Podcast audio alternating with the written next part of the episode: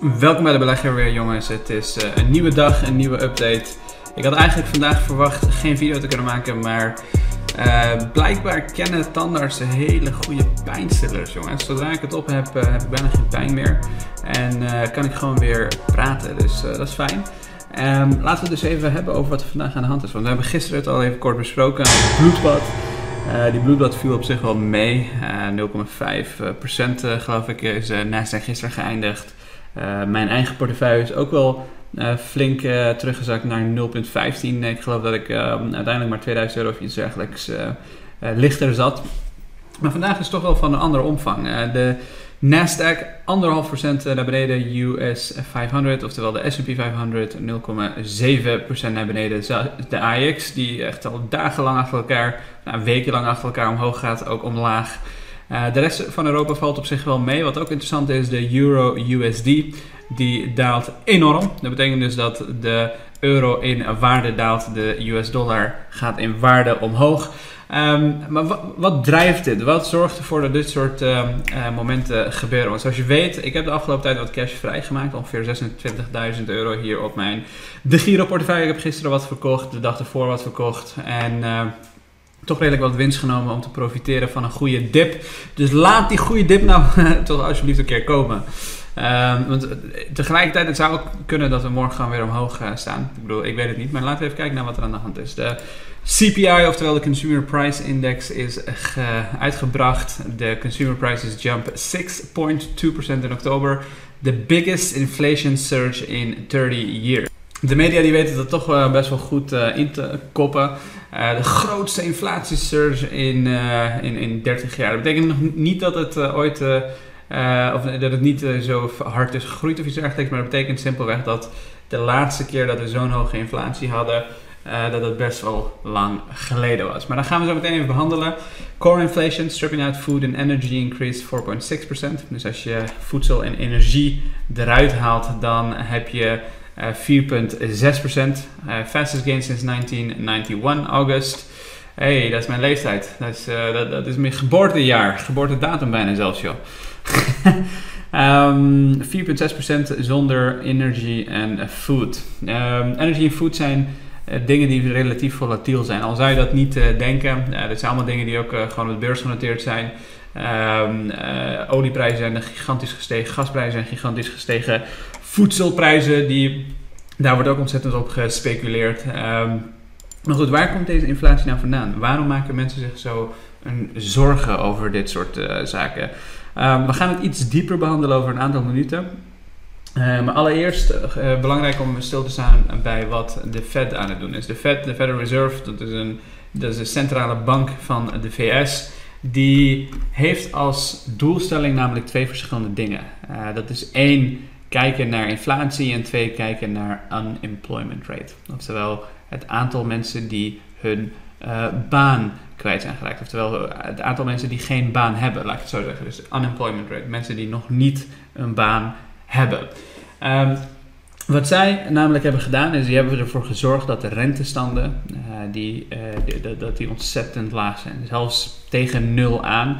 En um, door dat te doen is er gewoon heel veel geld in de markt gekomen. En heel veel mensen die zeggen, laat dat nou een keer stoppen. Laten we stoppen met die, um, met die ontzettend lage uh, rentes, want de economie die doet het fantastisch. Als inflatie omhoog gaat, als prijzen omhoog gaan, als prijzen van uh, dingen zoals voedsel, energie, alles wat we eigenlijk nodig hebben, als dat soort prijzen omhoog gaan, dan betekent dat dat het heel erg goed gaat met de economie. Dus dan hebben we niet zulke, zo, zo goed, zoveel goedkoop geld in de economie nodig. Want de economie doet het al uh, fantastisch. En de Federal Reserve die zegt, de centrale bankiers die zeggen, nou wat we eigenlijk zien is dat door COVID is er een supply chain issue ontstaan. Waarmee er meer vraag is dan aanbod.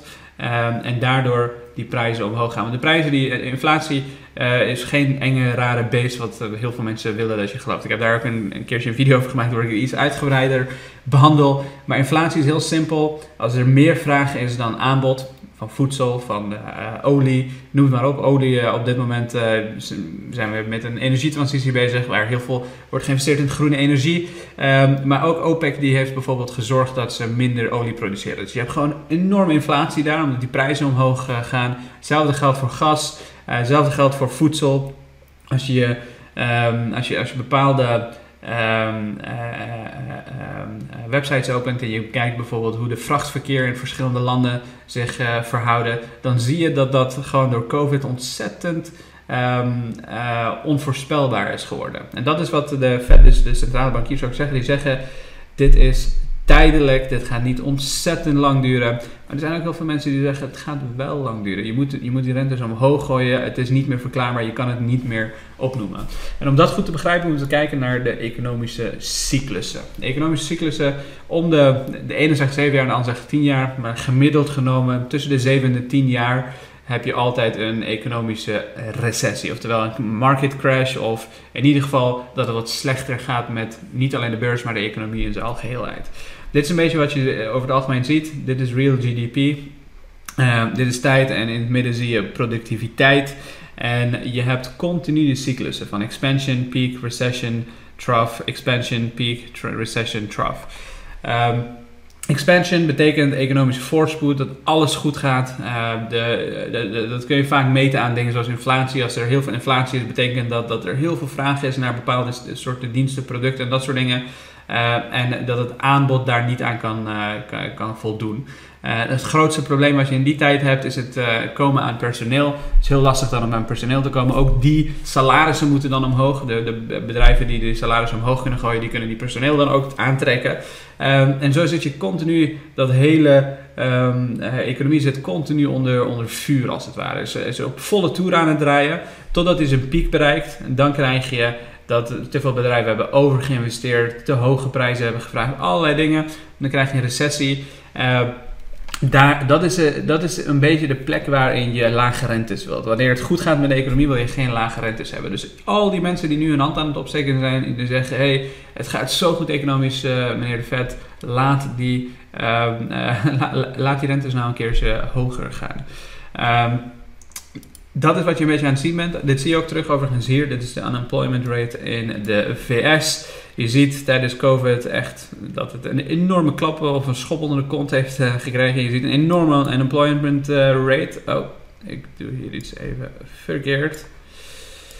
Even terug. Ja, je ziet een enorme unemployment rate. Heel veel mensen die een baan uh, kwijt zijn geraakt uh, tijdens uh, COVID. Dat had ook met de wetgeving te maken. Overigens, 15% van de mensen is weer teruggezakt. En een van de twee pijlers die, die, die, die de Fed heeft is inflatie rond de 2% houden. Alles daarboven betekent hogere rates. Alles daaronder betekent lagere rates. En de unemployment. Dus het aantal mensen die werkloos zijn, die zo laag mogelijk te houden. En in dit geval hebben ze maximum employment als doel.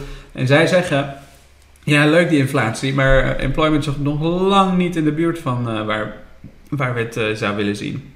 Dus die inflatie, dat heeft eigenlijk... Uh, is dat niet zo heel erg, ja, maakt het niet zo heel erg veel uit. Want heel veel mensen hebben nog steeds geen baan, die kunnen niet aan de bak komen, die kunnen bepaalde zaken niet doen. Um, dus dat, dat is een beetje wat er nu aan de hand is. De markt die denkt het een, de beurs of de Fed die denkt het ander. En als de Fed ongelijk heeft, dan krijg je vaak een flinke, uh, flinke beurscorrectie, laat ik het zo zeggen. Dus de Fed die moet zorgen dat ze niet achter de feiten aanlopen, laat ik het zo zeggen. Het kan zijn dat ze het mis hebben. Uh, het kan ook zijn dat ze het juist hebben. Dat, dat weten we simpelweg niet. Het kan zijn dat ze in december zeggen: hey, we hadden het mis, rentes omhoog. Uh, en dat daardoor opeens een hele andere rating of andere waardering moeten geven aan heel veel aandelen die we, die we bezitten. Um, um, ja, ik hoop dat het een beetje uitlegt. Je ziet de inflatierate rond de 5% zijn. De laatste keer dat dat zo was, was hier ergens rond de uh, rond 1990. Uh, 1980 zelfs, uh, net, net ietsjes daarna. Um, maar dat is wel een beetje wat er aan de hand is. Dat is maar waar beleggers zich zorgen over maken. Inflatie is een spook. Je ziet hem niet, je hoort hem niet. Maar het speelt altijd. En als het komt, dan worden beleggers nerveus. Want wat ga je doen met je geld? In dit soort tijden zoeken beleggers vaak um, een manier om zichzelf te hedgen tegen inflatie, dus de geldontwaarding. En de beste vorm daarvan, die in de afgelopen 100 jaar is uh, bewezen, is goud geweest altijd. Dit is ook wat je ziet, zodra die CPI-cijfers bekend waren, ongeveer rond deze tijd, zelfs daarvoor, mensen met voorkennis waarschijnlijk, die aan het kopen waren, zie je een enorme piek. Um, die, de, de, dat de goudprijzen gestegen zijn. En die blijven ook op, daadwerkelijk op dat moment. En tegenwoordig wordt ook Bitcoin natuurlijk geopperd als inflatie tegen, of als hedge tegen inflatie. De nieuwe goud uh, wordt het natuurlijk genoemd. Die race ook precies op dat moment keihard omhoog. Daarna is wel weer gewoon teruggezakt. Want laten we eerlijk zijn, ik wil niet lullig doen met mensen die van Bitcoin houden en van crypto's. Doe je ding. Maar het is nog niet een bewezen asset. Het is nog steeds een risky asset. En risky assets worden in tijden van inflatie simpelweg van de baan gedaan. Mensen willen hem liever niet in een portefeuille hebben. In ieder geval mensen die wat serieuzer zijn.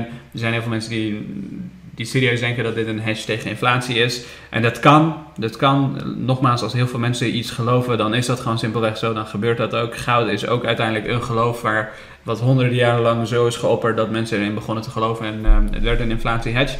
Bitcoin kan dat ook daadwerkelijk worden, maar er moet er nog wel heel veel uh, gebeuren. Uh, maar op dit moment bewijst het zich niet echt zoals goud dat doet. Het behoudt zijn waarde niet op dezelfde manier als goud dat gedaan heeft. Hè. Maar goed, dat is uh, geen enkel probleem. Uh, misschien dat dat over de loop van tijd heen verandert. Ehm, maar wat we ook zien is, als we kijken naar mijn portefeuille, is dat heel veel aandelen keihard gezakt zijn. En aandelen die krijgen altijd bij dit soort gegevens, krijgen ze een redelijke klap. En de reden is puur en simpel, je moet opeens anders gaan waarderen. Want een bedrijf, een groeibedrijf die moet heel veel kapitaal hebben om aan hun, uh, om, om, aan hun groei nog te kunnen voldoen. Die moeten, hun toekomstige groei zit vaak ver in de toekomst. En als inflatie daar een gedeelte van meeneemt, ja, dan kan het um, voor je berekeningen redelijk wat uitmaken. Dus dat is wat je terug aan het zien bent. Maar over de loop van tijd heen maakt het niet zo heel veel uit. Want aandelen die, of in ieder geval bedrijven waarvan jij de aandelen bezit, die hun prijzen mee kunnen laten stijgen met inflatie, omdat ze een specifiek competitief voordeel hebben of omdat ze Um, welke reden dan ook dat ze dat mee kunnen laten met stijgen of uh, mee kunnen laten stijgen met inflatie, uh, die zullen daar goed van profiteren. Een bedrijf die daar lastig in zou zijn is bijvoorbeeld de trade desk hebben wel duidelijk betere technologie. Ze zullen het waarschijnlijk gewoon prima en simpelweg goed doen. Maar het is wel een bedrijf die heel hoog gewaardeerd is. Het heeft een hele flinke waardering. Heel veel toekomstige groei zit ingecalculeerd. En dat is wat je aan het terug aan het zien bent. Nu kan dit ook omslaan als straks de inflatie toch redelijk mee blijkt te vallen.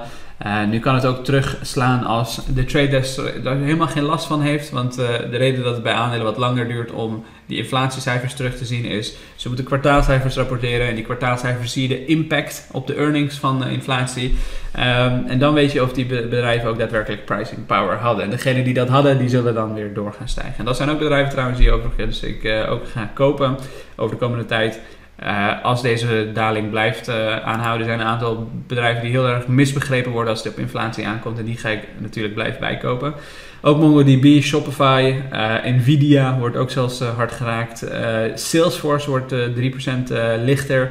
eigenlijk alle bedrijven die ik, die ik over de loop van tijd heen, waar ik een beetje winst heb genomen, gaan wat lichter. Dus ik hoop dat dit nog even wat duurt. Tesla. Tesla, onze grote vriend Tesla, die doet het echt fantastisch vandaag. Het is, je zou het bijna een inflation hedge noemen die beter is dan goud.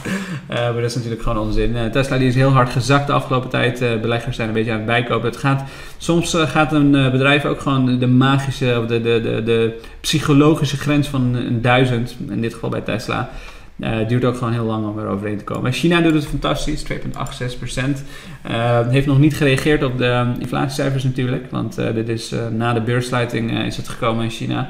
En China heeft, gewoon, heeft het goed gedaan. De afgelopen kwartaalcijfers van bedrijven als Tencent, Alibaba en dat soort dingen, die, die, die, die bewijzen het, die, die laten gewoon simpelweg zien dat die impact niet zo groot is als dat we gezegd hadden. Daarom heb ik ook China gekocht. Uh, mochten ze nog echt veel verder zakken dan dit, misschien dat ik nog even wat bijkoop. Maar ik vind genoeg China heb in mijn, in mijn portefeuille. Um, maar goed, nu gaan we te ver door. Ik hoop dat dit uh, aflevering je in ieder geval wat meer wijs maakt. Wat meer vertelt over wat er allemaal aan de hand is. Laat me weten wat je ervan vindt. Laat een comment achter. Laat een like achter. Support mijn content. Support mijn kanaal. Laat het aan zo'n breed mogelijk doelgroep bekender worden als dat we uh, daadwerkelijk kunnen. Dus dank voor het kijken vandaag en nog een hele fijne avond.